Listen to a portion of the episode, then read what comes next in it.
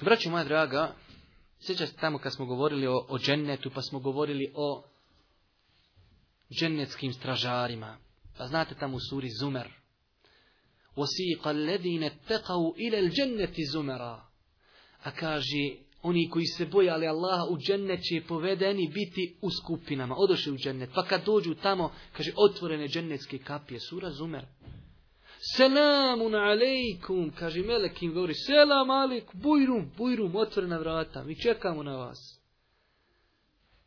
Džennetle, pogledajte razlike, dolazak. A džehennemlije, kaže uzvišeni Allah, poznat onaj kuranski ajet, Ja ejuhel ladina amenu, ku enfusekum ahlikum nara, o vjernici sebe i porodce svoje od vatri čuvajte.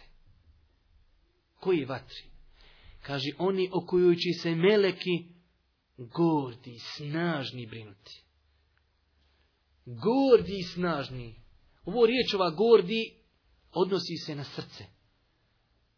Kaže, nikakve milosti u njom srcu nema. Kažu mu Fesiri, komentatori ovog kuranskog ajta, kaže Allah lašan nije stvorio bez ikakve milosti. Sam kaže da mogu patiti. Da mogu druge mučiti. Nema kao u njihovim srcima, nema nikakve milosti. Lilavun šidad, šidad, jak, velik. I čekaju. Hajte vam. Pogledajte različitih, različitih dočeka. Kaže se tamo, sjećate se kad smo govorili opet o drugom onom imanskom šartu, vjerovanju u meleke.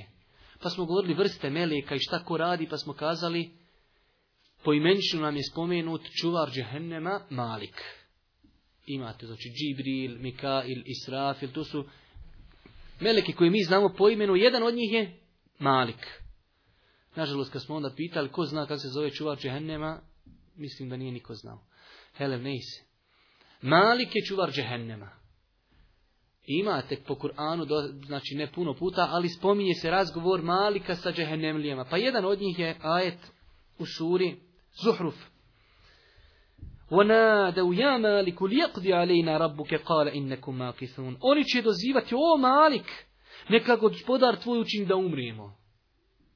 A kaže on, a on će reći, vi ćete tu vječno ostati. Kaže Ameš, poznat islamski učenjak, kako to ovdje sad kratko? Oni kažu, mali gdje zovni bolan, reci daj da umrijemo, mi da umrijemo, nema umrt. Kazna, gdje da makar umrijemo? Kaže Ameš, do mene su došle kaj predaje, između tog dok im on odgovori, on njega zovu, ništa on. Kaže, hiljedu godina će prući dok im se odazovi. I šta će opet reći? Pa kaže, vječno ćete ostati. Nakon hiljedu godina. Koja je tu tvrdoća srca? Ali tako i Allah stvorio. Ne nehaju. Prži se ljudi tamo i zovu, pa gdje da umremo? Kaže, hiljedu godina gleda u njih.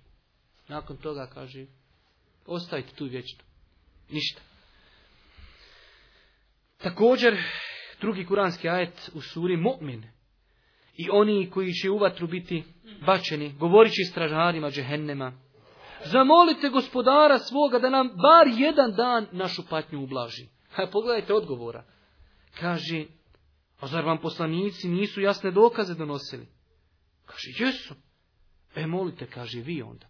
Kažu oni čuvarima džehenne, džehennema, demolite gospodara vašeg, da nam samo jedan dan ublaži kaznu. Samo jedan dan.